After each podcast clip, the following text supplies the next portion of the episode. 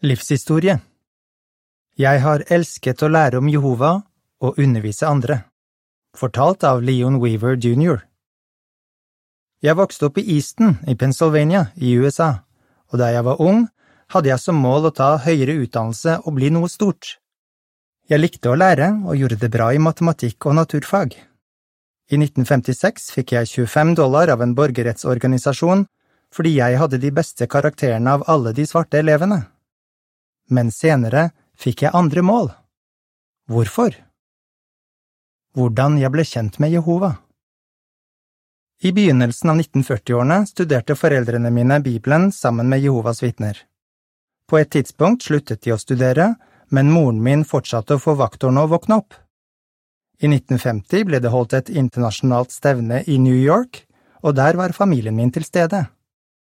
Kort tid etter stevnet begynte bror Lawrence Jeffreys å besøke oss.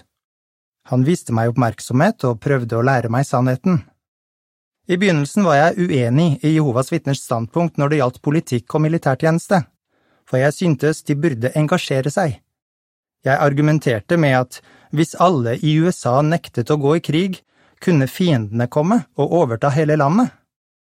Bror Jeffreys var tålmodig med meg og sa hva tror du Jehova ville gjøre hvis alle i USA tjente ham og det kom noen fiender for å angripe dem? Den måten han kommenterte dette og andre emner på, hjalp meg til å forstå at argumentene mine ikke holdt mål. Det gjorde at jeg ble mer interessert. Jeg brukte mange timer på å lese eldre numre av Vaktorene og våkne opp som moren min hadde lagt ned i kjelleren. Etter hvert skjønte jeg at dette var sannheten så jeg sa ja til å begynne å studere Bibelen sammen med bror Jeffreys. Jeg begynte også å gå fast på møtene. Jeg elsket det jeg lærte, og jeg ble forkynner. Målene mine forandret seg da jeg forsto at Jehovas store dag er nær, Sefania 1,14. Nå var jeg ikke lenger opptatt av å få en høy utdannelse, men jeg ønsket å hjelpe andre til å bli kjent med sannheten i Bibelen. Jeg gikk ut av high school 13. juni 1956, og tre dager senere ble jeg døpt på et kretsstevne.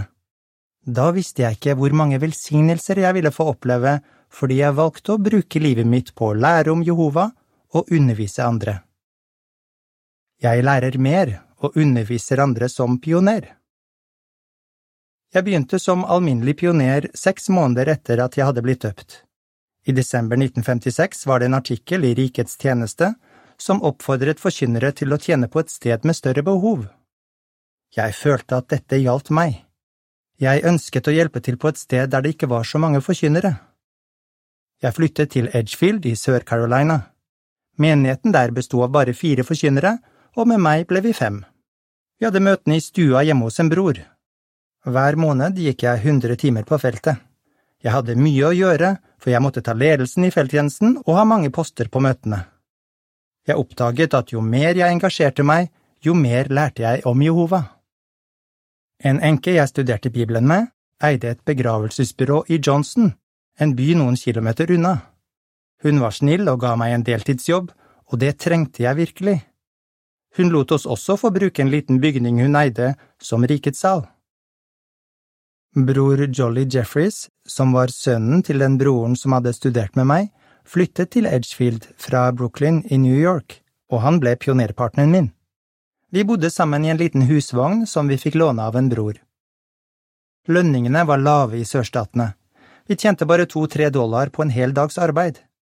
En gang hadde jeg vært i butikken og brukt de siste myntene mine til å kjøpe litt mat. Da jeg kom ut, kom en mann bort til meg og spurte, Trenger du arbeid? Jeg betaler deg en dollar i timen.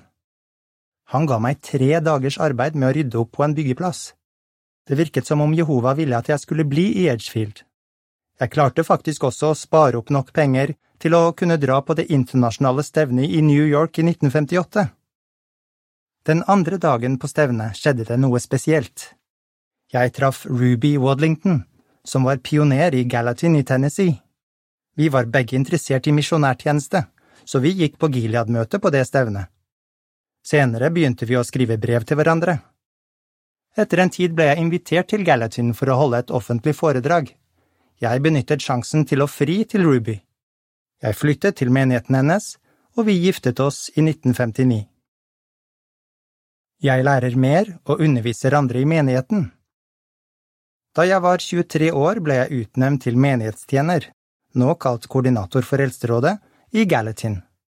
Vi var den første menigheten bror Charles Thompson besøkte som kretstilsynsmann. Selv om han hadde mye erfaring, spurte han meg om hva brødrene og søstrene trengte, og hva andre kretstilsynsmenn hadde gjort for å dekke behovene deres. Den måten han gikk fram på, lærte meg at det er bra å stille spørsmål og få alle fakta før man tar en avgjørelse. I mai 1964 ble jeg invitert til å gå på kurs i rikets tjeneste. Kurset ble holdt i South Lansing i New York og varte en måned. Lærerne ved denne skolen vakte et sterkt ønske i meg om å fortsette å lære mer om Jehova og å vokse som et åndelig menneske. Jeg lærer mer og underviser andre i krets- og områdetjenesten. Ruby og jeg ble bedt om å begynne i kretstjenesten i januar 1965. Vi fikk en veldig stor krets. Den strakte seg fra Knoxville i Tennessee og nesten helt til Richmond i Virginia. Kretsen innbefattet også menigheter i Nord-Carolina, Kentucky og West Virginia. Vi besøkte bare menigheter med svarte brødre og søstre, for på den tiden var det raseskillelover i sørstatene i USA som gjorde at svarte og hvite ikke fikk lov til å ha møter sammen. Vennene var fattige, og vi lærte å dele det vi hadde med dem som hadde mindre enn oss. En erfaren kretselsnusmann lærte meg noe viktig. Vær en bror. Ikke kom til menigheten som om du er en slags sjef. Du kan ikke hjelpe dem hvis de ikke ser på deg som en bror. En gang vi besøkte en liten menighet, startet Ruby et studium med en ung kvinne som hadde en datter på ett år. Det var ingen i menigheten som kunne ta hånd om studiet, så Ruby ledet studiet via brev. Neste gang vi var på besøk, kom kvinnen på alle møtene. Da to spesialpionersøstre flyttet til menigheten, tok de over studiet, og kvinnen ble snart døpt. Rundt 30 år senere, i 1995, kom en ung søster bort til Ruby på Bethel Patterson. Hun presenterte seg som datteren til den kvinnen Ruby hadde studert med. Hun og mannen hennes gikk i den hundrede klassen ved Gilead-skolen. Den andre kretsen vår lå i Florida. På den tiden trengte vi en bil, og vi fikk tak i en til en veldig god pris. Men den første uken gikk vannpumpen i stykker, og vi hadde ikke råd til en reparasjon. Jeg ringte til en bror som jeg tenkte kunne hjelpe oss. Han fikk en av sine ansatte til å reparere bilen og ville ikke ta betalt. Han sa bare du skylder meg ingenting. Han ga oss til og med litt penger som en gave. Det var et fint eksempel på hvordan Jehova tar seg av sine tjenere, og det minnet oss om at vi må være gavmilde mot andre. Når vi besøkte de forskjellige menighetene, bodde vi hjemme hos brødrene og søstrene. Det førte til at vi fikk mange gode venner. En dag lot jeg en halvferdig rapport om menigheten bli stående i skrivemaskinen. Da jeg kom tilbake om kvelden, fant jeg ut at den tre år gamle sønnen i familien hadde hjulpet meg til å gjøre rapporten ferdig. Det ertet jeg ham for i mange år. I 1971 fikk jeg et brev som fortalte at jeg hadde blitt utnevnt til å tjene som områdetilsynsmann i New York. Vi fikk sjokk.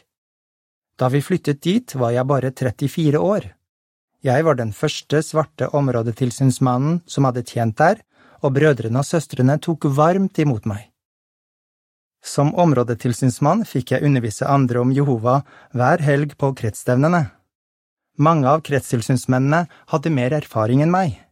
En av dem hadde holdt talen da jeg ble døpt. En annen bror, Theodor Jarras, ble senere medlem av det styrende råd. Det var også mange erfarne brødre som tjente på Betel i Brooklyn. Jeg var veldig takknemlig for at kretstilsynsmennene og betelittene hjalp meg til å føle meg avslappet.